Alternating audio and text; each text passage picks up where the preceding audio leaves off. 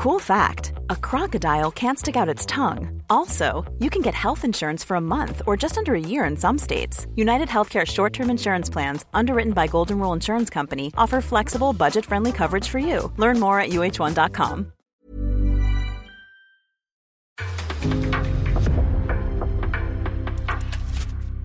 En podcast från Aftonbladet. Förbundskapten Peter Gerhardsson har tagit ut truppen till den sista samlingen innan sommarens fotbolls-VM. Är det någon experterna saknar i truppen? Skulle det kanske kunna göras en speciallösning på målvaktspositionen? Hur mycket ska det pusslas i backlinjen och hur går det för dem som går en kamp mot klockan för att hinna bli hela till sommarens mästerskap? Alltså min rehab har varit eh, väldigt mycket upp och ner. Ehm, ganska mycket ja, men, eh, steg tillbaks hela tiden. Så att eh, den här dagen eh, kom nu eh, kändes bara helt galet. Så det blev lite känslosamt men det var väldigt skönt. Ja, du får en längre intervju med Juventus ytterback Amanda Nilén som alltså nyligen gjort comeback. Det gjorde även Caroline Seger, en av snackisarna från premiäromgången i damallsvenskan. Den och allt annat det snackats om, ja det får du givetvis i det här avsnittet. Vi har massor att prata om. Så vad väntar vi på? Nu sparkar vi igång!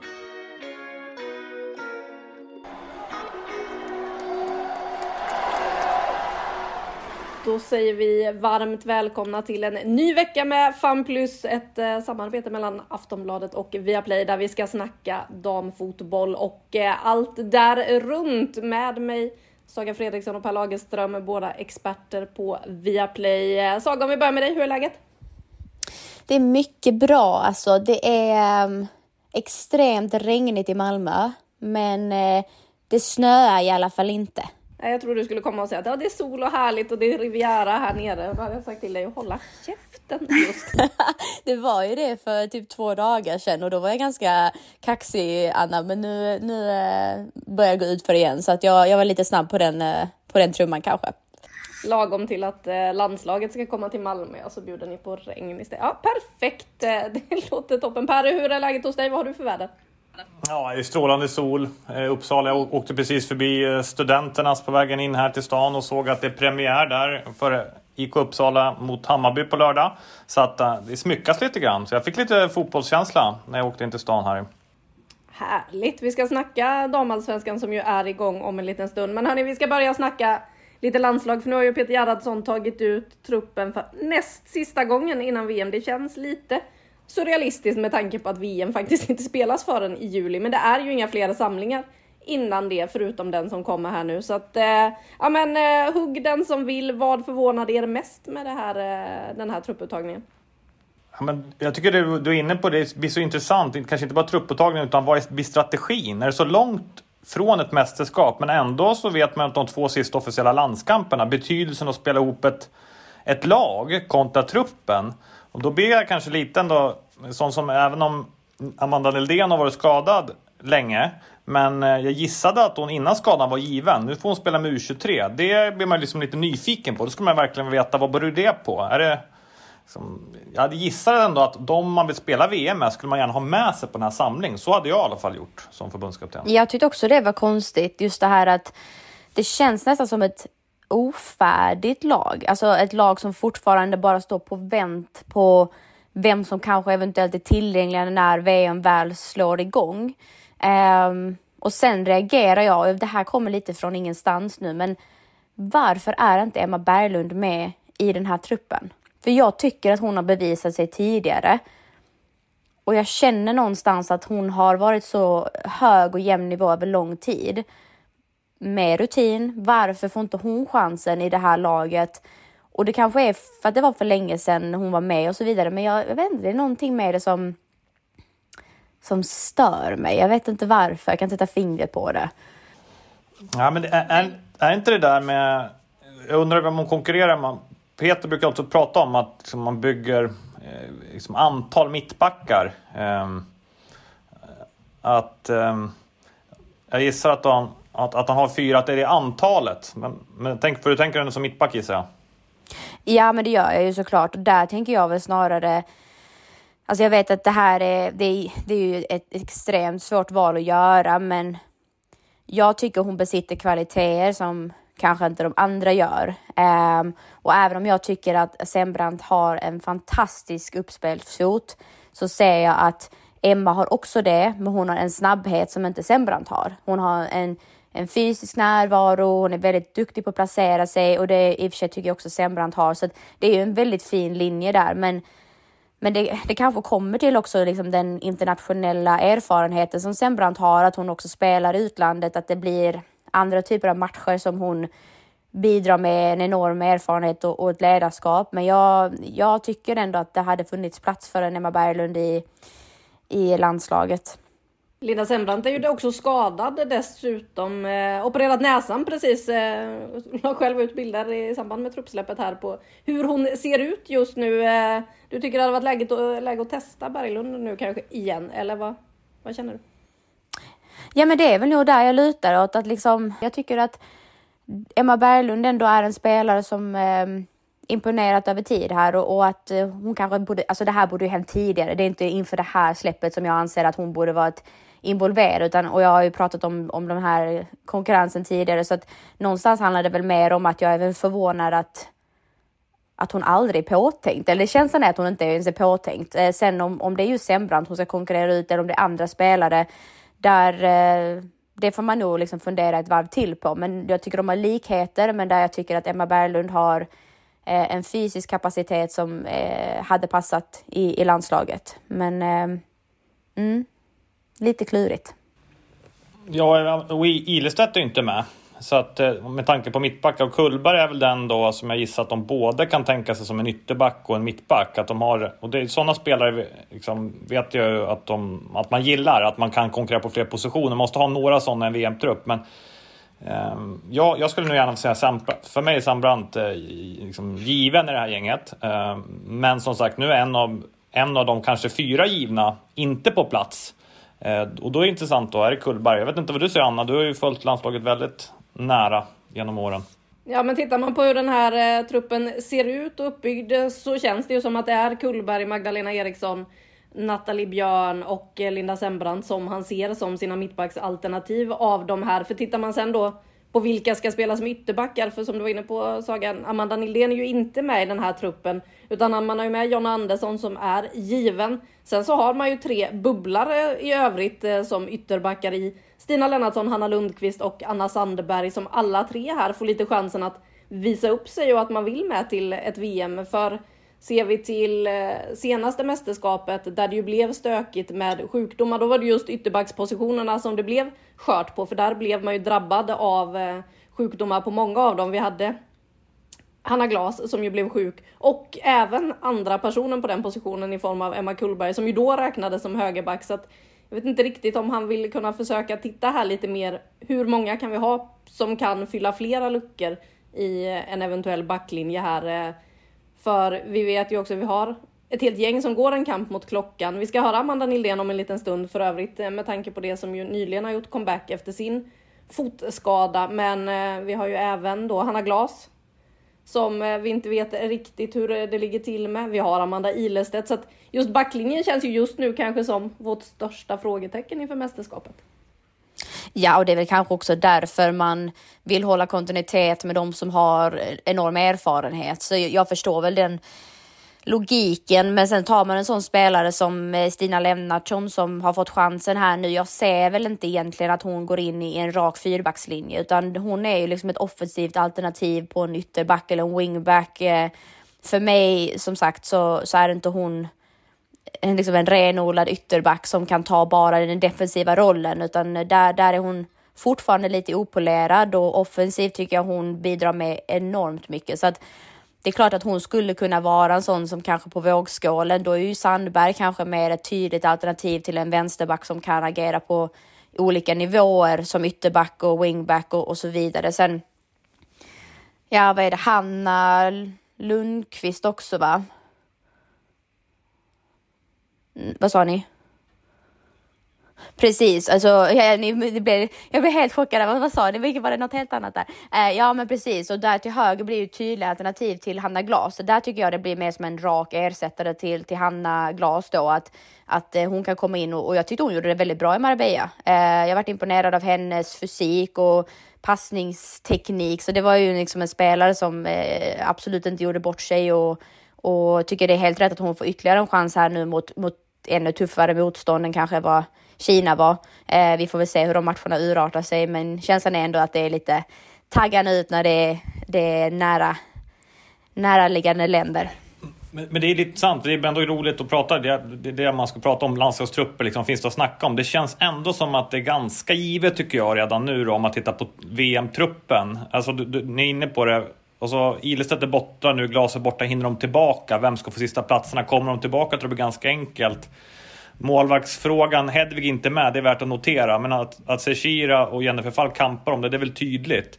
Det som jag reflekterar över i det här, eh, liksom, det är väl i sådana fall alltså en signal till innermittfältet. Dels så, så bettar man mycket på Caroline Seger. Hon är ju med nu, hon har inte spelat än. Elin Rubensson håller på att jobba in i den rollen, men låt säga att Seger är borta. Vem mer? Jag vet, de har ju Bennesson som ska spela högre upp och jag vet att de var väldigt nöjda med Julia Sigotti. Pratade om hennes bästa landskap. Undrar om inte hon spelar in sig där som det självklara alternativet. Men det, det jag resonerar över, om Seger försvinner, vet också Rubensson, vad, vilka fler alternativ finns det centralt på mittfältet? Eh, som liksom är den balanserande rollen. Det tycker jag liksom, det, det, får de nog också experimentera med. Men, eh, Men tro, tror du inte där att man tänker också att jag vet att Björn antagligen kommer vara med som, som någon slags backposition då antingen mittback eller möjlighet till en treback och så vidare. Men finns inte hon lite som en så här brasklapp? Att hon är alltid i periferin av att kunna ta det klivet in. Det är väl lite min känsla om man tittar på hur det var tidigare att det finns alltid med att det skulle inte vara så långsökt att få in henne där. Och det är ju antagligen, och jag gissar att det är liksom så att, att, att Sverige, ska man vinna, jag tror att man, liksom, målet är att vinna medaljer, att man om man tar liksom England, men kanske ännu större bredd än vad Sverige har, så kan man liksom bygga bara positioner hela vägen. Medan Sverige, dels måste hoppas vi att alla är friska, och då kan, tror jag, Nathalie Björn, hon kommer att spela mittback. Men är hon, så försvinner Seger och så, så kanske man måste bygga ett lag med de bästa spelarna. Ute. Därför blir det här pusslet så komplex. Det vill säga, försvinner Seger, då kanske helt plötsligt Nathalie Björn måste spela in i mittfältare eh, och då måste man göra någonting annat i backlinjen. Så det är ett otroligt pussel att lägga. Det är inte bara en spelare ut, en spelare in. Eh, liksom, så det, det breda landslag vi pratar om, jag tycker ändå spetsen, elvan, kanske inte lika bred. Jag tycker det ty börjar bli tydligare vilka som ska spela och vilka som är jokare. Sen hoppas man ju, tycker jag, att några av de här spelarna ska slå sig in, ta steg. Jag tycker till exempel Johanna Rytting Kaneryd, när man ser, även fast hon inte startar jämt, men när hon kommer in i Chelseas matcher så gör hon skillnad. Det är ju intressant att se, kan hon göra skillnad även i landslaget nu hela tiden? Det är det som jag tror vi behöver för att få ännu starkare liksom, eh, kanske självförtroende inför ett VM och ännu fler möjligheter att vinna fotbollsmatcher. Så känns det ju. Och Apropå självförtroende så var det ju jäkligt härligt att se Champions League-matchen som nu när vi spelade in då spelades igår när Stina Blackstenius får göra det målet som faktiskt tar Arsenal vidare. För hon hade ju en period där hon hade väldigt tufft med målskyttet. Där hon då dessutom, de målen hon gjorde, ja men det var sådär mål i matcher där Arsenal ändå vann med 9-0 eller vad det var. Det var inte de här avgörande målen. Nu har hon ju börjat göra dem i klubblaget och eh, man ser ju ett annat självförtroende från henne på planen. Det kommer ju Sverige definitivt behöva om det ska kunna bli en framskjuten placering. För visst, gruppen om man tittar på den i VM, den ska ju Sverige ta sig vidare ifrån. Men sen kommer det ju bli otroligt tufft så fort vi kommer till en åttondelsfinal. Även om Peter Gerhardsson bara vill prata om premiären mot eh, Sydafrika när man ska prata VM så är det ju åttondelsfinalen som kommer bli nöten som måste knäckas eh, där man ställs mot gruppen där vi har USA och Nederländerna. Något av de lagen. Det blir ju otroligt tufft för Sveriges del när man kommer dit. Kommer man vidare från den? Ja, då är självförtroendet förmodligen ganska bra hos hela gruppen om gruppen är hel och det här pusslet kan läggas ganska enkelt att man inte blir av med vitala delar och bitar i den så att man måste börja lägga om och fundera på okej, okay, hur ska vi få det här att passa ihop? Men Per, du var ju också inne på målvaktsfrågan där med Sechira och Jennifer Falk som ju är de som slåss om första positionen. Men den tredje positionen då? Kan det vara värt att ta med Hedvig Lindahl för mästerskapserfarenheten och slänga in henne vid straffläggning? Ja, hon är grym på straffar alltså. Det, eh, alltså jag, tror, jag tror att det faktiskt, det du säger nu, det tror jag finns i bakhuvudet. Jag tycker man hör det på presskonferensen, vi har inte räknat bort Hedvig Lindahl. Däremot så behöver Tove Enblom, eller den nu den tredje målvakten, få de här samlingarna. Och sen gör man bedömningen inför tror jag. Alltså, jag tror att det blir liksom en, faktiskt ett ganska sent val man kommer göra. Vem är tredje målvakt? Hur bra är de två första? Är de hela? Skulle någon av Shakir eller Jennifer Falk vara skadad, då tror jag att det är givet att vi kommer få faktiskt eh, Hedvig Lindahl i en trupp. Om de inte är det, båda är friska, hur gör man då? Tar man med sig Hedvig? Det tror jag, det tror jag faktiskt det blir en konkurrenssituation i, i damallsvenskan här fram till sista uttagningen. Det är positivt tänker jag. Det är ju fantastiskt bra att det blir så. Jag håller med dig på. Jag tror verkligen att det där kommer bli en eh, sista minuten grej, att man kollar på form och sådär. Jag vill lägga till en annan sak Anna, för det du var inne på det här med självförtroendet och vi träffade Caroline Seger inför vår sändning i måndags där Norrköping mötte Växjö och hon pratade om flow, att vikten av att det här landslaget bara har flow i allting de gör. Att hon diskuterar liksom inte taktik eller spelare hit och dit, utan det var någonting med att allting bara ska klaffa. Under mästerskap så blir det så extremt viktigt och jag tänker på en sån som Blackstenius som, ja men det har synts att hon inte har haft självförtroende och att hon, ja men hon är ju en spelare som, som utifrån sett i alla fall upplevs vara eh, känslostyrd i så, i, i så tillvida att hon hon påverkas så mycket av sin egen prestation och om hon inte levererar till max och så vidare. Och att se henne igår när hon gjorde det här målet, alltså det syntes ju på hela kroppsspråket hur skönt det där var. Och det är de här detaljerna som kommer vara kanske det låter larvigt, men samtidigt så viktigt att det är de detaljerna som gör att kanske vi har spelare som går in i ett mästerskap och känner att ja, men jag kan det här. Jag kommer kunna leverera på allra högsta topp, för jag har gjort det förr och framförallt då Blackan att kunna göra det i Champions League och gå in i en semifinal med sin med sitt lag eh, Arsenal. Det är ju det är mäktigt och det är, det är bara positivt för alla inblandade tänker jag. Och det är bara att hålla tummarna då att vi spelar till Champions League match idag, att Magdalena som Eriksson får spela, för att vi har ju flera Rolfö blev utsedd till matchens spelare, två baljer igår. Så att det, det, finns ju någonting som puttrar här som är ruskigt vass. Det är bara att vi får, behöver få alla delar. Få tillbaka Karol Seger i spel, få en backlinje som är faktiskt största frågetecknet med målvaktsdelarna. Men det är klart att de kan ju bara... Så, så är det ju en offensiv som är, tycker jag, oerhört spetsig just nu. Är på väg att bli väldigt, väldigt spetsig.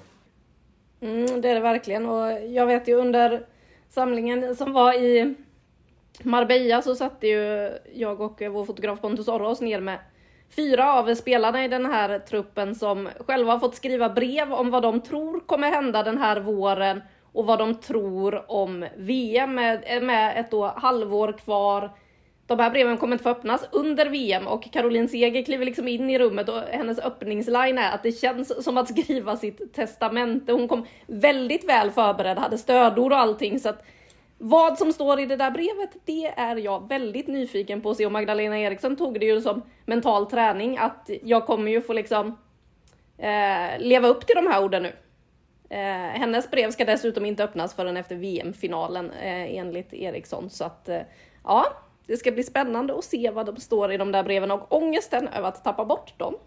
Den är mitt största, min största utmaning innan Nya Zeeland, Australien i sommar. Det är alldeles för många månader kvar.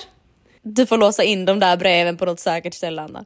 Ja, de är inlåsta kan jag säga. Och eh, hörni, innan vi går vidare och snackar lite damallsvenska då så kan vi ta och lyssna på Amanda Nildén, en av spelarna som nu har gått en kamp mot klockan, gjort comeback eh, och som ska få berätta lite om hur det var att efter då fem månaders rehab äntligen få kliva in på planen.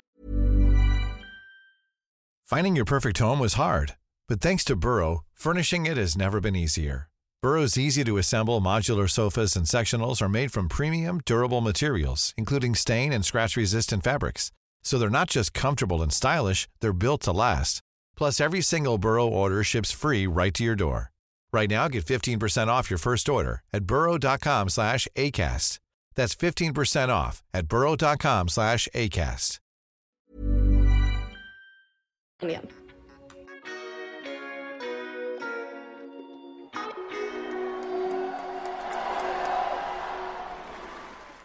Ja, Amanda, hur är det att vara tillbaka på planen? Nej, men fantastiskt. Någonting man har sett fram emot länge liksom. Eh, så det känns Riktigt skönt. Hur var det att bli inbytt? Nej, det var, det var faktiskt ganska känslosamt. Det var, alltså, min rehab har varit eh, väldigt mycket upp och ner. Eh, ganska mycket ja, men, steg tillbaks hela tiden. Så att den här dagen kom nu kändes bara helt galet. Så det blev lite känslosamt men det var väldigt skönt. Det var ju i slutet av oktober som du skadade dig i matchen mot Fiorentina. Om vi går tillbaka till den händelsen. Hur var det där och då och vad tänkte du när du fick smällen? Nej men jag kände direkt att det var, det var något allvarligt liksom. Eh, så det, det blev ju väldigt tufft. Eh, man, man tänker på mycket eh, men eh, främst så är det väl eh, smärtan som går igenom kroppen. Eh, men sen hade jag också under en längre period eh, spelat med ganska ont i min fot eh, och hållit på att försöka hitta behandlingar, hitta vad det var. Så jag hade gjort röntgen vid två, tre tillfällen innan och försökt att hitta varför jag har ont. Men nu visade det sig att det var, det var en stress på benet. Så det var jätte, jättejobbigt att bli skadad men sen kändes det också lite som en lättnad att ja, ja, men nu vet vi vad problemet var och nu kan jag börja om därifrån. Eh, så det var, det var blandade känslor, men det är väl klart, det var jättetufft. Eh, jag, jag hade ändå haft en bra period i klubben och fått spela mycket, fått mycket förtroende. Eh, och så fick jag ju pris för ja, med månadens spelare där i oktober när jag skadade mig. så det, det kändes som att det var lite taskig timing kändes det som. men ja, nu är jag tillbaka så det är skönt. Du är inne på något där att du faktiskt kände att det gjorde ont i foten innan men inte hittar vad det är. Eh, hur jobbig är den känslan när man inte riktigt fattar vad som är problemet och då inte vet vad man kan göra åt det? Nej, men det, alltså, det, det var faktiskt en jättejobbig period. Eh, jag spelade nästan hela, hela början av säsongen och varje match kände jag mig ganska begränsad i ja, men, riktningsförändringar och sådär. Och jag, jag sa hela tiden, det är något som inte stämmer. Vad, vad kan det vara liksom? Eh, Och vi hittade liksom inte problemet. Så jag gjorde mycket behandlingar. Jag, ja men som sagt, jag gjorde röntgen och eh, ja, och så till slut hittade vi att det var liksom väldigt eh, infekterat där runt och sen veckan efter så gick benet av. Eh, så ja, det var, det var en tuff period men eh, samtidigt gick det ju bra så jag vill ju bara fortsätta på ändå. eh, så det, ja, det är mycket blandade känslor där. Hur var det att få beskedet att du tvingas till operation och man inser att okej, okay, nu kommer jag vara borta från fotbollen ett tag? Eh, ja, just, eh, just när jag fick eh, beskedet så eh, ble, blev det väldigt jobbigt. Eh, för jag, jag, visste ju inte, de sa ibland behövs det inte operation, ibland behövs det men att eh, man, man ska inte riskera något och inte operera för man vet inte hur det blir liksom. Så när vi väl kom dit och jag hörde att ja, men vi behöver göra operation ehm, då blir det såklart eh, väldigt tungt liksom. Eh, men också kan man ju ställa in sig på att ja, men nu blir det tre månader att bara rehabba och så ska jag ta mig tillbaks då. Eh, så det blir, man får ställa om hjärnan lite. Men det är klart det var jättejobbigt när ja, men jag hade spelat mycket och kom ur en bra period liksom.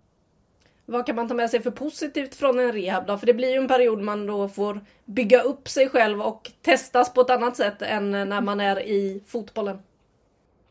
Ja, men som du säger, man bygger upp sig själv på ett annat sätt än vad man gör när man är i fotbollsträning. Då kanske man inte har lika mycket tid till fokusera på styrka och sin egna kropp specifikt. Så nu har det blivit mycket, mycket jobb med det. Så jag känner mig ju fysiskt eh, starkare än vad jag gjorde innan. Eh, och även eh, den mentala biten blir ju... Många tänker kanske inte på det, men den är ju väldigt jobbig liksom, i en skada. Gå igenom tuffa perioder så. men det, man känner sig starkare och jag tror bara att eh, ja, skador i längden eh, kan eh, göra en mycket starkare när man väl kommer tillbaks. Så, ja. Vad har varit tuffast under den här perioden då när du har stått vid sidan? Nej men klart matchdagar vill jag vara med runt där och stå, bara stå utanför. Det är bara kittlas i kroppen. Men sen Sen har det väl varit jobbigt. Eh, vi, när jag skadade mig så var det ju tre månader som var ja, men det som skulle bli och nu är jag inne på fem månader. Eh, och under den här perioden så, ja men som sagt som jag sa så hade jag mycket smärtor innan eh, och eh, även nu inne i min rehab har jag haft väldigt mycket ont så jag har ju gått med tankar att shit ska jag inte kunna spela utan smärta igen och sådana där tankar så det, det är mycket som har varit jobbigt eh, så eh, men sen nu när jag är tillbaka i träning och fem månader senare och nu känner jag ingenting. Så det, det känns bara som en eh, lättnad och ja, men, eh, befrielse att jag nu springer på planen och inte har ont. Liksom. Så det, det är värt att det tog sin tid, men det är klart det har varit väldigt jobbigt. Hur känns det att spela utan smärta nu då?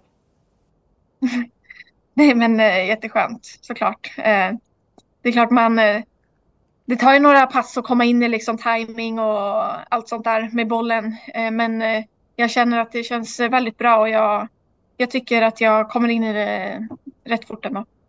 Som du var inne på, man pratade om tre månader först, det kom upp i fem månader. Blev du någon gång stressad där eller hur gick dina tankar?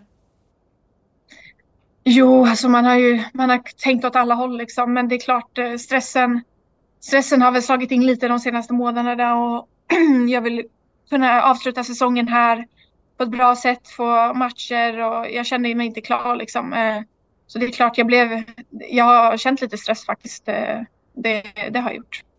Fanns det också en stress där att faktiskt hinna komma tillbaka i Juventus för att få chansen i landslaget och VM i sommar? Ja men klart, det har också legat i bakhuvudet att man vill kunna komma tillbaka till sin, till sin toppform för att kunna konkurrera om platserna där också. Eh, så det, det är mycket som har legat bakom eh, och ja men klart att veta att det är mästerskap i sommar har ju också varit en liten extra tanke man har haft. Har du haft någon kontakt med Peter eller Magnus under din skadeperiod? Ja men lite, lite sms-konversation här och där. Eh, så det har ändå känts bra. Om vi blickar framåt nu då, hur ser du på matcherna som väntar i ligan? Nej, jättetuffa matcher. Eh, nu möter vi bara topplagen igen. Men också så som tabellen ser ut nu så kan det vara ett bra läge för oss att kunna, kunna rycka förbi andra lag, eh, vilket är väldigt viktigt nu när vi ligger på en andra plats och spelar till oss en Champions League-plats och sådär. Så eh, väldigt spännande att komma tillbaka till den här perioden med mycket tuffa matcher och ja, det blir eh, roliga matcher framöver hur går snacket Juventus nu? För som du säger, ni ligger tvåa. Ni tog tre titlar i fjol. Det var ju det ni skulle gå för i år också. Hur ser du på chanserna att vinna ligan? Nej, men vi, vi sa innan att det här kommer bli tuffaste året hittills och det, det är alltid svårt att eh, försvara sina titlar. Eh, eh, så det, det var vi medvetna om innan säsongen började. Eh, men nu, nu fokuserar vi på att vi ska, vi ska ta oss till Champions League och ja, nu fokuserar vi bara på vårt. Det ligger inte i våra händer, eh, men vi kan göra det vi kan och försöka vinna varje match och prestera så gott vi kan och sen får vi se hur långt det räcker. Vad ser du att det är som är skillnaden? Är det att ni har tappat eller är det att de andra lagen har växlat upp? Eh, nej men det är väl en blandning. Alltså hela ligan överlag har ju blivit mycket starkare, vilket är jättekul. Eh, mycket tuffa matcher och även lagen som är på den femte, den nedre halvan eh, nu då, har också gjort det väldigt bra och vi har haft tufft mot många av de lagen. Så det är jättekul att det blir bra, bra matcher hela tiden och man vet aldrig liksom hur man ska komma ur den. Men eh, sen också, alltså för egen del så har vi kanske inte presterat eh, riktigt som vi har velat och vi har lite svårt i början av säsongen att få till det och vi har haft lite svårt att stänga matcher så vi ofta har vi eh, ja, men kanske ledigt men sen eh, har vi då i slutminuterna släppt in ett slarvigt mål. Så, där, eh, så vi, det har varit lite vårt problem att vi inte riktigt har fått till ja, men stänga matcherna. Eh, så det, det har vi verkligen pratat om och försökt att ja, men ska tänka på nu framöver och se hur långt det leder. För egen del, vad ser du som viktigast just nu? Nej men bara varje träningspass, ge hundra, få mycket bolltouch, mycket spel i kroppen och komma igång sådär. Eh, och sen såklart eh, vill man ju ha lite minuter i varje match för att komma in i matchtempot som är svårt att träna sig till liksom. Eh, sen får vi se vart det leder men eh, jag känner att eh, nu är jag ändå på en bra plats och jag har fått sjukt bra hjälp och ja, men jag är tillbaka i träning och jag ger alltid hundra där och så ja, får vi ta det därifrån. Hur långt ifrån är då skulle du säga i matchtempo? För som du är inne på, det kan man ju inte riktigt träna sig till. Nej, men jag, jag känner ändå att jag... Nej, men jag tycker ändå det är där. Eh, sen eh, nu, vad blev det, 10-15 minuter sist. Eh, det kanske inte är jättelänge, men eh, jag, jag, tycker ändå att eh, ja, men, träningarna känns bra och jag känner mig att, att jag är i bra form och det känns eh, bra touchen och allt sånt. Så det, det ska nog komma rätt fort tycker jag. Vi var inne på det lite innan, det är VM som väntar i sommar. I Sveriges grupp finns också Italien. Eh, hur mycket snackas det om det nere i Italien? Vi har faktiskt inte snackat om det så mycket. Det var nästan så att man har glömt bort det lite. När, när lottningen var så, så blev det lite snackis. Vi skojade lite sådär. Men eh, nej, nu har det inte snackats om på länge. Men eh, det lär väl, det lär väl börja snackas om det ju mer ju närmare mästerskapet man kommer. Sådär. Men det är jättekul att Italien och Sverige ska mötas. Det, det blir spännande. Hur bra skulle du säga att det italienska landslaget är då? Um, jag tycker att de har tagit eh, steg eh, för varje samling de har nu när man har sett deras matcher. De, jag tycker de har haft lite svårt att få till det innan men jag tycker att de senaste matcherna de har gjort har de gjort jättebra resultat och ja, men ändå bra prestationer. Uh, så jag, ja, de har utvecklats mycket så det kan, det kan bli tufft tror jag.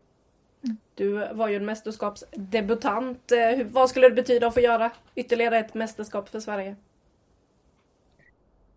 Nej, men det hade ju betytt hur mycket som helst. Liksom. Eh, det är ju en dröm att representera Sverige i ett mästerskap eh, och det är ju det man, det man kämpar för varje dag. Liksom. Så det hade ju varit hur stort som helst. Så ja, en dröm.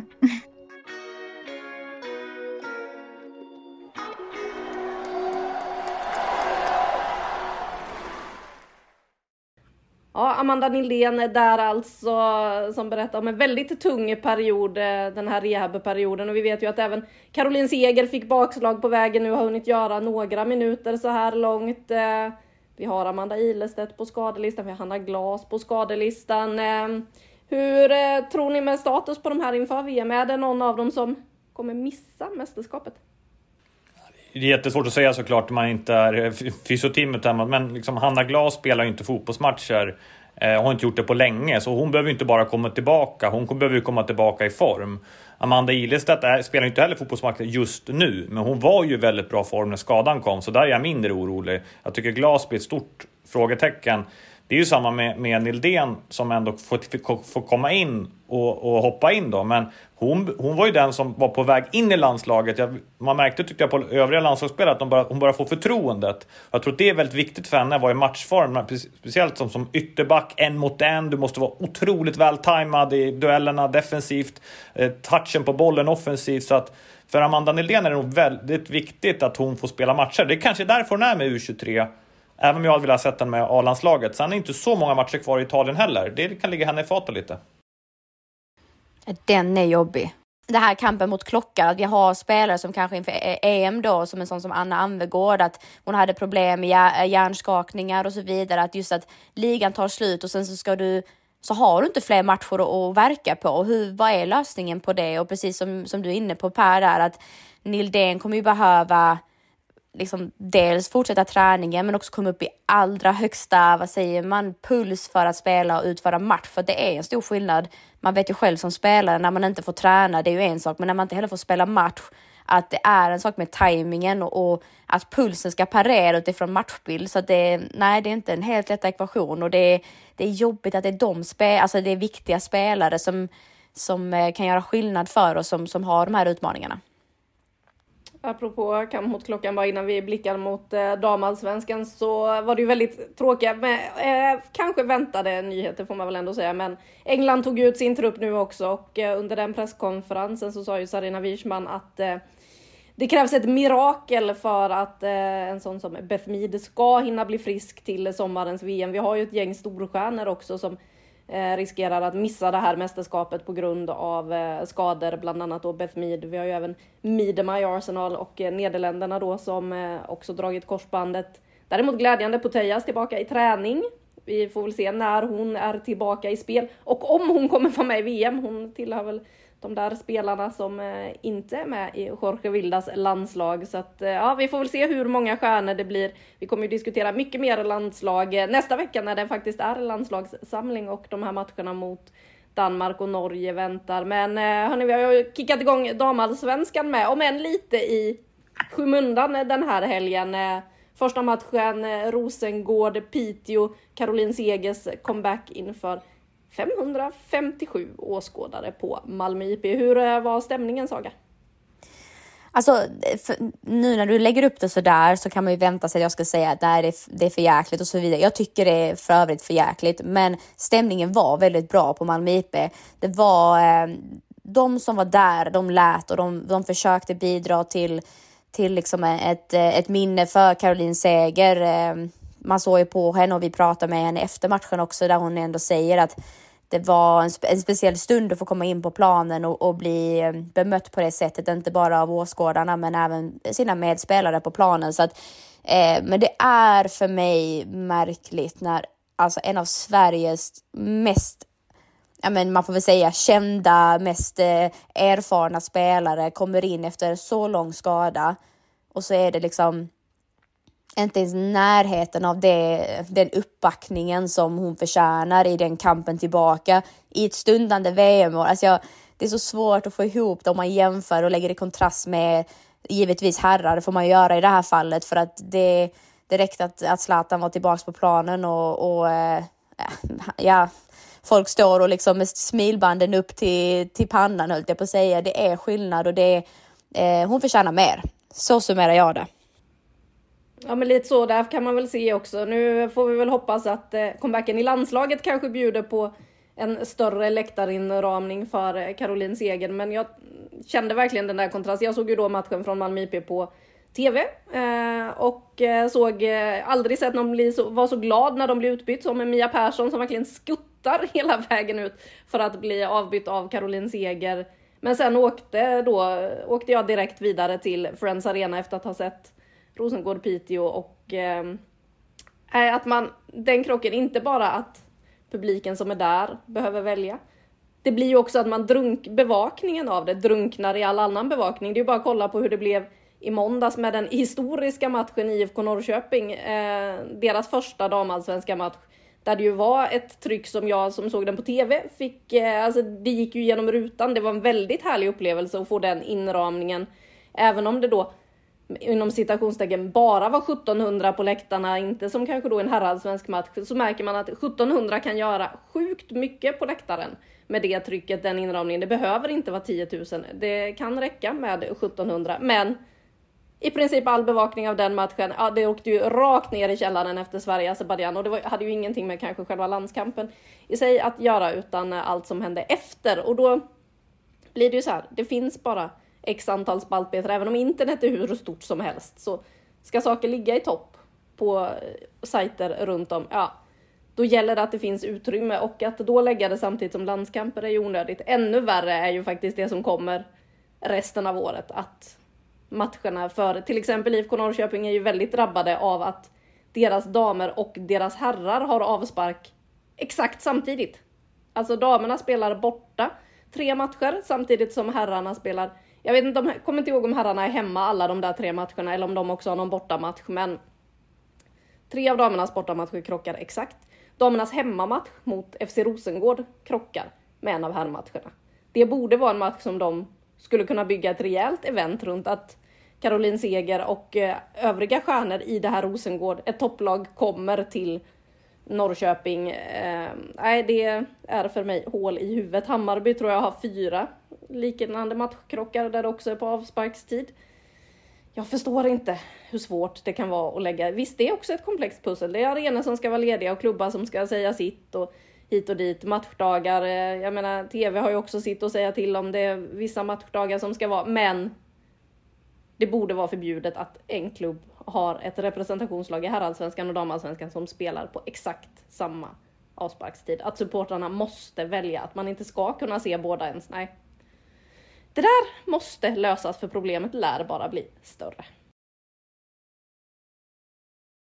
Och det är som sagt, det är därför det blir så, eh, som vikt, liksom det är så tråkigt att prata om att, att, att det är svagt. Men, men eh, vi har ju, då har vi ju nämnt det förut att tyvärr har ju inte faktiskt liksom publiksnitten överlag har inte hänt speciellt mycket nästan på tio år i damallsvenskan. Det är vissa lag som drar upp det. Men däremot så, det som jag ändå, om man ska ta det positiva och se, därför jag tyckte det var så kul, har man inte sett den får man försöka se den igen då med Norrköping, Växjö, att att det går. Och det, Hammarby visar också att det går. Så det hade varit mycket värre att veta att det är omöjligt. Men här får vi två matcher inför helt första gången som visar dels att det är en fantastisk upplevelse och du får det trycket.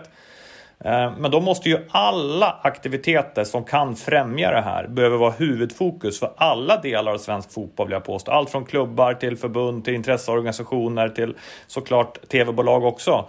För att det är ju framtiden. För samtidigt som, som damallsvenskan spelar så är det ju faktiskt en trend i Europa att under eh, liksom, fönstren för eh, landslagsspelare för här så har ju många damföreningar haft fokus på stora events. Jag vet inte hur många rekord som det slogs. Alltså det är rekord i Portugal, det är i eh, Italien, det är, det är överallt för att man liksom bygger event. Så att vi får väl hopp, liksom, vi får hitta exemplen på det där för att eh, det går fort även på den kommersiella sidan utanför Sveriges gränser just nu.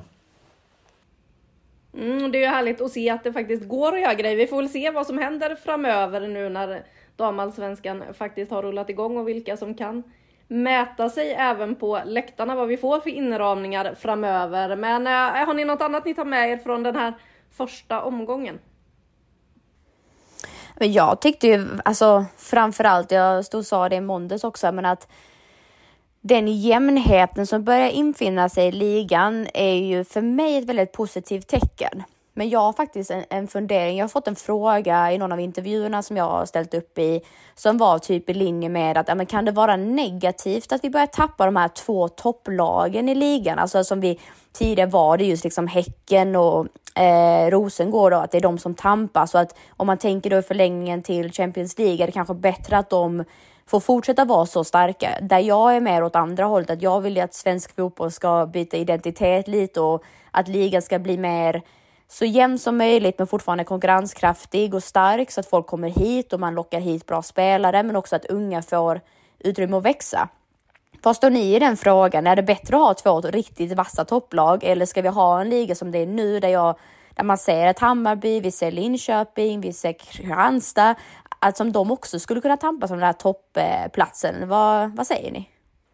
Ja, för det, alltså det är ju en klart relevant fråga. Alltså jag tror att man måste veta först och främst ta reda på vad syftet med är. För ja, skulle det vara så att, vi, att huvudsyftet är att gå långt i Europa och konkurrera i Champions League så tror jag att då tror jag att det handlar om att ha ett eller två, två lag som har de absolut bästa spelarna, kanske tjänar, har helt andra omsättningar än de övriga och leder utvecklingen. De har ju sett i andra liksom, nationer. Men jag, tror, jag tycker kanske inte att det är det viktigaste. Det viktigaste är att skapa ett intresse för ligan som sådant. Och då tror jag att det är övertygelse att det behövs många lag som slår som, som kan slå varandra, att det är spännande, att det är bra fotboll. Inte på några toppfighter över tid. Och, och det tror jag i sin tur, ja det kanske gör att vi inte kommer att komma till Champions League-final och liknande. Men däremot kan vi ha en liga som har otroligt bra publiksnitt, kommersiellt värde, vi kan bygga en stark produkt, vi kan då få hit spelare trots att vi inte har Champions League-lag. Det är good enough och tror jag kan skilja sig mot alla andra ligor faktiskt i Europa om vi kommer så långt att vi blir den jämnaste och bredaste ligan.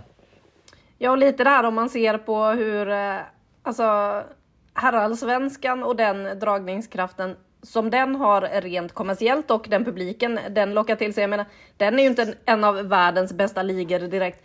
Damallsvenskan kan fortfarande vara en liga som är i alla fall topp 5-6 där någonstans. Alltså det tar lite den rollen tänker jag som om man ser på här sidan holländska ligan till exempel, att man är det naturliga steget för dem som vill bli stjärnor, de som sen ska ut i de allra, allra största klubbarna, att man blir ett bra steg för de som vill ut i proffslivet. Man vet att man blir väl skolad när man kommer till Sverige. Man vet att man blir omhändertagen. Man eh, får liksom en bra upplevelse här. Vi får se en jäkla massa bra spelare och vi har precis eh, som ni är inne på det här att det är fler tuffa jämna matcher i toppen.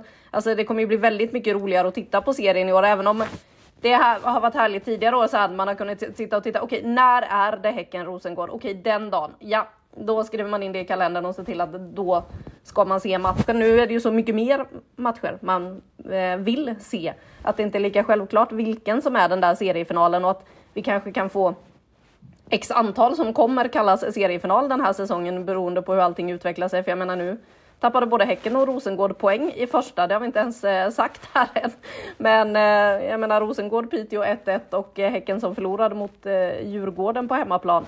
Det är klart att eh, jag tror ju definitivt att det är den vägen damallsvenskan måste gå. Men jag tror också att liksom, man måste hitta en identitet. Man måste inom damallsvenskan bestämma sig för vilken väg ska vi gå? För jag, jag menar, ja, Sverige, back in the day så kunde vi vara med och slåss om Champions League-titeln. Den tiden är förbi för länge sedan. Vi kommer inte komma dit, inte om vi har två topplag som kampar mot varandra. Ja, men då kanske det kan bli som för Rosengård för något år sedan. Man tar sig en bit i Champions League, men vi kommer ändå aldrig vara med och slåss om titeln. Däremot så hoppas jag ju att utvecklingen som är i Europa nu också bäddar för att vi kommer få mer Europaspel för damer än Champions League. Att fler klubbar kan få möjlighet till Europaspel framöver.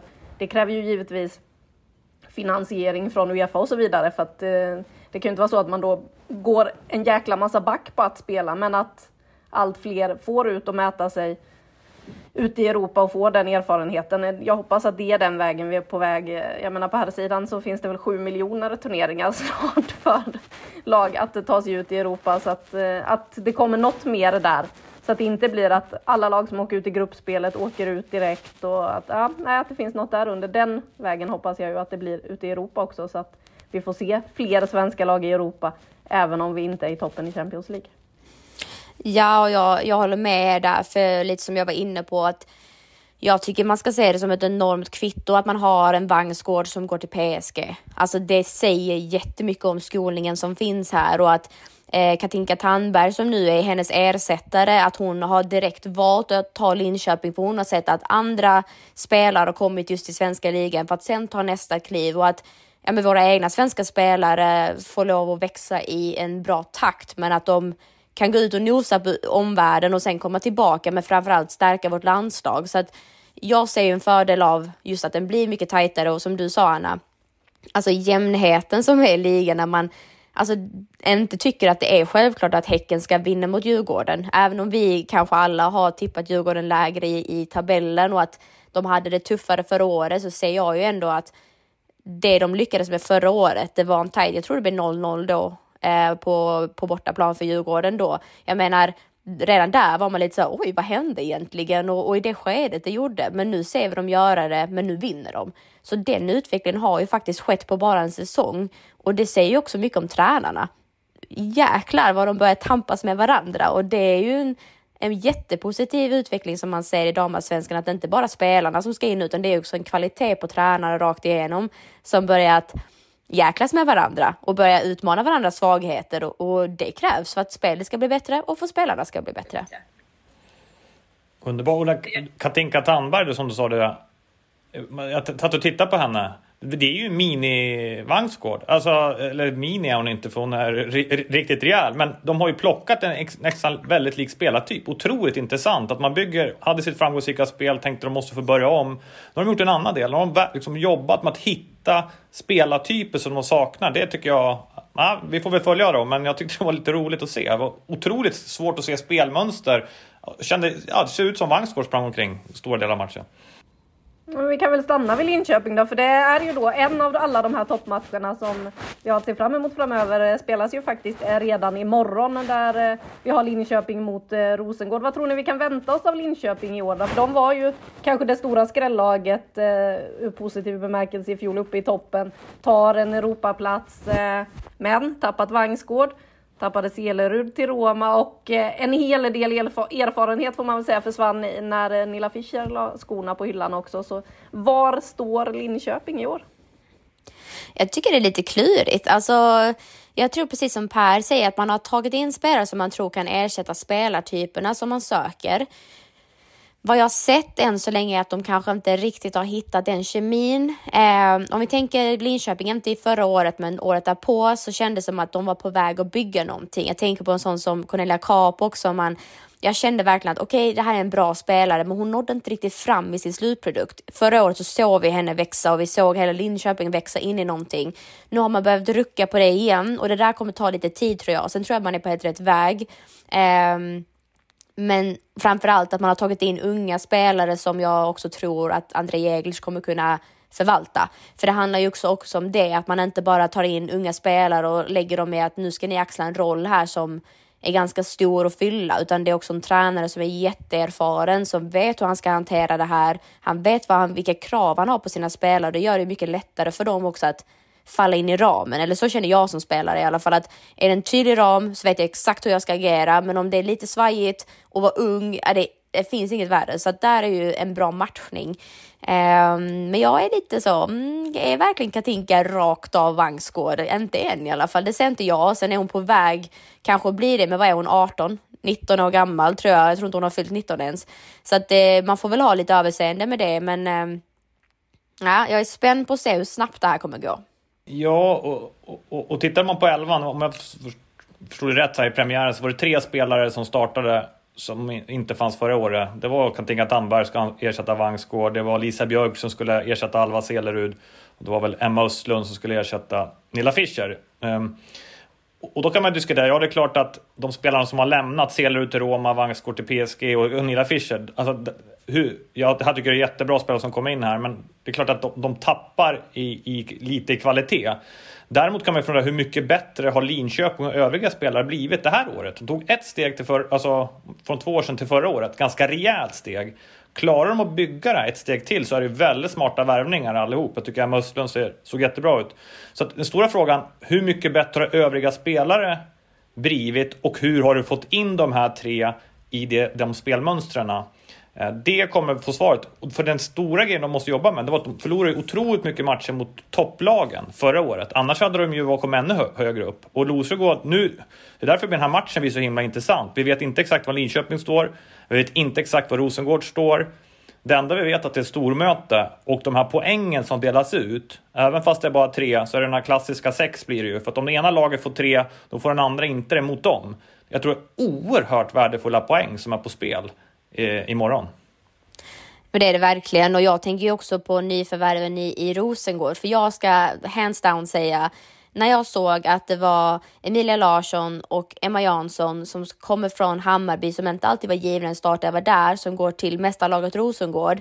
Jag reagerade. Jag tyckte det var udda, märkligt och jag fick inte riktigt, liksom, det tog en liten stund för mig att marinera den tanken efter att nu ha sett dem, jag har givetvis pratat en del med, med René Schlegers också, hur man har resonerat kring de här värvningarna och det makes so much sense. Alltså Emilia Larsson passar i ett Rosengård på hur de vill bedriva spelet. Eh, att vara högre upp i banan, sätta mycket press. Hon är ju en jätteduktig pressspelare även om hon är en forward. Och eh, framförallt den här aggressiviteten som jag faktiskt anser att Rosengård saknade förra året. Det kan man få in i henne. Och sen då Emma Jansson på mittfältet spelar hur bra som helst mot Piteå nu senast. Jag tyckte att hon eh, bidrog med dels finess. Hon hade någon härlig höger yttersida in bakom backlinjen, men också hårt, hårt arbetande och det behövs också i ett, ett Rosengårdslag. Så att de två eh, känner jag helt plötsligt passar som handen i handsken. Sen kanske inte det är på samma hylla som en Cankovic om man hade tagit in henne. Ni förstår kanske vad jag menar att det det är klart att det finns skillnad på nivåerna, men att det finns två spelare här som kanske behövde bryta sin trygghet att vara i Hammarby, komma till ett nytt lag och ta nästa kliv. Det är också intressant att det kan ske inom den egna ligan. Rosengårds bänk förra matchen. Fiona Brown, Emilia Larsson, Jessica Wik, Caroline Seger, Karin Lundin, Bea Sprung herregud, alltså det får man säga det är kvalitet och det är väl det som de har ju någonting att experimentera i. Hur ska deras startelva se ut nästa match och hur får de ut max? Men det gör ju att det är omöjligt att räcka bort Rosengård den här säsongen, men även i matcherna. Det där är ju mäktigt på något sätt, den kvaliteten som finns där. Det är inte många lag som kan göra det. Um, så att det gör ju att den här matchen är alltså den omöjliga att tippa skulle jag påstå. Lite så känns det ju. Det var ju också den där bredden som eh, du pratade om där med Rosengård. Det gör ju att jag hade dem ett tag, när man ska göra det här klassiska tipset inför, så hade jag Rosengård ett tag som fyra, för jag kände att ja, men Kristianstad kan vara där uppe och utmana, Hammarby kan vara där uppe och utmana, Häcken kan vara där uppe och utmana och så känner man till slut bara, fast Rosengård kan inte komma fyra. Jag hade för ett tag både Hammarby och eh, Kristianstad som tvåa, så får man tydligen inte tippa. Så att eh, det var ju bara peta ner. Och till slut så slutade det med att i mitt huvud så blev det logiskt att Rosengård står som tvåa just för bredden och att det aldrig riktigt går att räkna ut dem. Men med tanke på hur det ändå har knakat lite här i matcherna i Svenska Kuppen där man har fått tufft matchande, givetvis, eh, där man har mött några av de här tänkta topplagen och inte riktigt fått till det så ska det ju bli otroligt spännande att se den här matchen nu när serien är igång. Vi har Seger tillbaka. Hur mycket kan hon spela? Hur mycket kommer hon kunna vara med? Alltså det finns så mycket frågetecken som man vill ha svar på inför eh, den här matchen. Men eh, om vi bara Linköping lite till där. De går ju inför en, en annan utmaning i år också. Alltså de ska ju klara av det här att faktiskt försöka kvala Champions League också. Och tredjeplatsen, det vet vi, det är den svåraste att ta sig vidare i Europa. Från fråga bara Kristianstad hur mycket de hatar att sluta på tredje plats och få spela det här lilla minigruppspelet eh, som blir om man kommer trea. Har de förstärkt tillräckligt för att klara av att vara med både i toppen i allsvenskan och kunna fightas om en plats i Europa? Svar nej. För mig är det så otroligt enkelt och det tror jag bara beror, beror på ett par saker. Ekonomiska förutsättningar. De finns inte i Linköping. De är jättesvåra. Alltså titta på den, den bänken sist. Det är något helt annat än Rosengård. Så att, sen kan de mycket väl om allting stämmer vinna matcher. Men jag, alltså det är ju på något sätt är inte det Linköping man har lärt känna inom damallsvenskan som är en maktfaktor i, i svensk damfotboll. De kan, de kan inte göra den satsningen nu. Det är tråkigt tycker jag. Det är synd. Däremot gör de det de kan med de de har. Får väl se om de får behålla tränaren André Eglers hela säsongen. Men 17 matcher fram till VM. Eh, jag vill påstå att den här matchen måste nog, inte måste, men det är otroligt viktigt för Linköping att få tre poäng. Jag tror det är de som behöver pressen på sig. För att de kommer få skador. De har inte alls samma bredd i truppen. De ska spela mer matcher senare i sommar. Så att nej, de har inte förstärkt. Eller vad säger du Saga? Jag håller med. Eh, jag har också ett väldigt enkelt svar och rakt svar på det. Det brukar jag inte ha, men nej, det har de inte. Så att jag är inne på helt samma spår som du är och eh, jag är väl mer nyfiken på hur de tar sig an damallsvenskan i år, för just att hur snabbt det här ska gå vid det här bygget som de har eh, kokat ihop nu. Ehm, men jag är ju lite nyfiken Per, för det är du som ska ro, ro i hamn den här matchen i, imorgon. Eh, vad har du för tankar inför den? Vad, vad tror du att vi kan vänta, vänta oss? Ja, det är det som är spännande. Men jag tror ju att eh, Linköping eh, vet eh, vad de ska göra. De ska bygga vidare på sitt spel och så ska de är de nog lite bekymrade. Jag tror Jägle sitter och funderar. Hur kommer Sleger ställa upp där? Du pratade om tränaren innan. Det här är kanske några om två vassaste tränarna i serien. Jeglers med den enorma erfarenheten och kanske Slegers som kanske har den största potentialen på sikt. Om man liksom säger den. Hon har vunnit två raka SM-guld.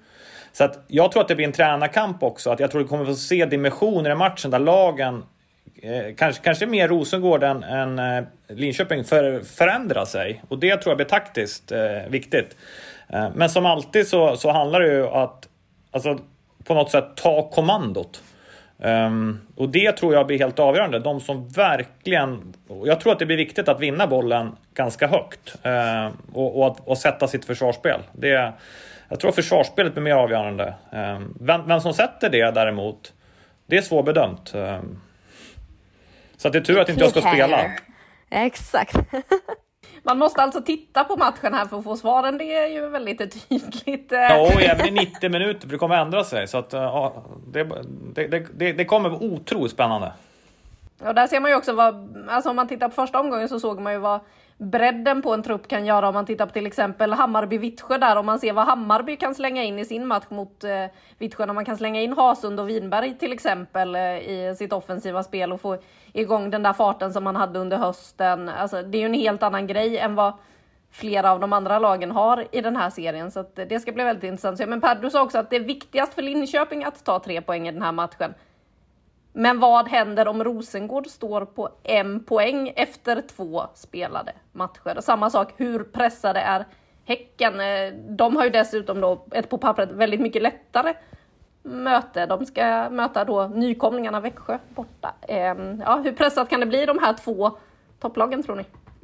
Alltså jag är inte så orolig. För, alltså jag förstår ju det rent medialt, men liksom, jag tror bara att Caroline Seger kommer vara ännu surare på träningen veckan efter och det kommer vidas upp, hetta till lite grann. Alltså den rutinen som finns där, eh, just i Rosengård, liksom, för det kan, då kan mycket bara stå på en poäng. Men där, där det är klart att ut, utåt tror jag kommer vara mer. Jag är inte, den där maskinen kommer att börja rulla. Häcken å andra sidan hade ju det förra året. Däremot är det en, en, en yngre trupp och de satsar ju väldigt ungt i Häckens backlinje och ger folk chansen där. Så att, jag tror Häcken inte vill vara med om det igen, om vi säger så. Det tror jag kan bli jobbigare. Rosengård är någon form av maskin som, som man eldar på lite. får de elda lite mer bara, sen kommer det där och får lite fart. Det är bara att elda lite så går det hur bra som helst. Vilken bra lösning! Nej, jag tror eh, ärligt talat, alltså Rosengård, eh, nu får jag väl dra en parallell till, till mitt egna lag Malmö FF då att det är förväntat att man ska vinna. Så att den pressen har man ju alltid oavsett om man har förlorat eller inte. Så att antingen så ser man det som en vardag. Eh, jag tror till och med René sa det att men i Rosengård så är det liksom underförstått att man ska vinna alla matcher. Så för mig är det här ingenting nytt. Sen så, så vill jag väl ändå tro att, att man eh, det kan krypa sig in för den individuella spelaren att oh, det här känns lite ovant. Vi förlorar eller vi tappar poäng. Eh, sen att de kommer kunna hoppa på hästen igen, det, det tror inte jag är några konstigheter. Men då är ju med frågan hur snabbt har det gått för kanske då Hammarby eller eh, liknande lag. Eh, alltså så här, vi har inte ens benämnt, eller benämnt har vi inte gjort, men eh, vi har inte ens berört Vittsjö. Eh, och de ska man aldrig räkna bort, även om inte de hade en kanonstart i eh, premiären så, så är det liksom alla de här lagen skulle kunna springa ifrån om, om de får allting att stämma. Så att eh, lite press på topplagen är det allt, Per. Det tror jag. Nej, lite då. Lite. ja, det lär väl om inte annat skrämmas upp om det skulle vara så. Det ska ju spelas matcher också så vi får se vad resultaten blir där. Men eh, Saga, du var inne på att vi inte berört Vittsjö. Vi måste beröra en grej med Vittsjö som ju faktiskt blev en snackis i slutet av matchen. Rött kort på Hanna Ekengren. Vad säger ni om det röda kortet på Ekengren? Hon själv eh, var inne på att eh, hon var chockad. Ja, det vart väl jag också måste jag säga. Um så här, jag anser att det vart lite vårdslöst. Alltså hon tappar ju balansen i sekvensen hon ska skjuta. Men sen samtidigt addera det då att hon skjuter och inte har full balans. Det är inte så. Jag, jag ser inte situationen som att hon går in för att skada utan snarare hon tänker fullfölja sitt skott till varje pris. Det är väldigt Hanna Ekengren så att någonstans så är det ju med i beräkningen. För mig är inte det där rött. Eh, det är gult kanske. För att just för att hon åverkar skadan och att jag vet att det inte är, vad säger man, Eh, det är inte resultatet av en aktion som man bedömer utan det är att man har skapat den överhuvudtaget. Men hon är ju bollförande och skjuter. Alltså, jag vet inte, jag tycker rött är, det är extremt. Ja, man såg, man såg på Hannas eh, ansiktsuttryck. Hon var ju väldigt chockad. Det såg att hon hade inte intention med det. Men eh, jag, jag, tycker också att det är alldeles för hårt dömt. Sen gissar jag att Tess Olofsson bedömer att det är så pass... Eh, alltså situationen som skåda är att det är extremt farligt spel. Eh, så att... Eh, Ja, jag har ju inte, jag har inte fått den här lagboken nu för 2023. Jag borde läst på här, men... Eh... Du är livrädd nu för att säga fel Per. Du har ju varit på eh, domarkurs och allting. Ja, jag hade några fel på de proven också, men eh, man såg... Eh, ganska många på Tele2 var i alla fall chockade, om vi säger så. Ja, det kan man säga och hennes lagkamrat i Vittsjö slöt ju upp bakom henne när man pratade med dem efter och tyckte att eh, det var ett väldigt märkligt domslut det där, att det där blev ett rött kort. Vi får väl se vad som blir snackisen i omgång två. Vad eh, ser ni fram emot mest med den här helgen? Jag misstänker att eh, en av de hypade matcherna som vi har då som man kan slå igång, det är ju den då Ros eh, Rosengård borta mot Linköping. Den spelas alltså fredag avspark 18.00. Men har ni något annat förutom den som ni vill hypa? Jag har ju redan stått och hypat den här matchen, men jag kommer fortsätta. Piteå-Kristianstad. Eh, den kommer bli stökig tror jag. Förra året så bjöd den ju på kort och eh, massa märkliga situationer så att eh, jag hoppas ju att den, eh, den fortsätter i samma anda. Ja, och då tänker jag att en av Sveriges vackraste arenor, Studenternas, nyrenoverade Studenternas, mitt i Uppsala, eh, IK Uppsala mot Hammarby 15.00 på lördag. Det är bara att ta live-fotboll. Det ligger ju mitt i landet. Alla kan åka dit. Piteå, Rosengård, Stockholm. Eh, det är en Inga fantast ursäkter. fantastisk live-match. Nära Arlanda också. ja, alla till Uppsala alltså enligt Per. Jag ska inte dit. Jag ska på eh, matchen i Växjö, deras hemmapremiär då mot eh, Häcken på söndag. Det ska också bli intressant att se då om det blir någon ångestmatch för Häcken eller inte det där. Eh, de hade ju faktiskt väldigt tufft här för två år sedan var det väl. Jag kommer inte ihåg om det till och med blev oavgjort i den där matchen för Häckens del. Stina Blackstenius var i alla fall så arg efter den matchen att hon inte ville prata med eh, media efter eh, gick raka vägen ut i omklädningsrummet. Vi får väl se hur mycket känslor det blir. Men det är ju härligt med fotboll att det faktiskt eh, är en hel del känslor runt det. Och med tanke på att eh, den här podden fortfarande även i år heter 5 plus så ska vi dela ut det också. Och eh, jag tar på mig den den här veckan och delar ut det då till det trycket och den publiken vi fick eh, uppleva i, när IFK Norrköping gjorde sin historiska entré. Det försvann i mediabruset efter. Det förtjänar att eh, hyllas än en gång. Så att 5 eh, plus till publiken som bidrar till tryck. Jag vet inte hur många gånger publiken har fått 5 plus i den här podden. Men... Kurva Nordahl, Kurva Nordahl har aldrig fått det förut.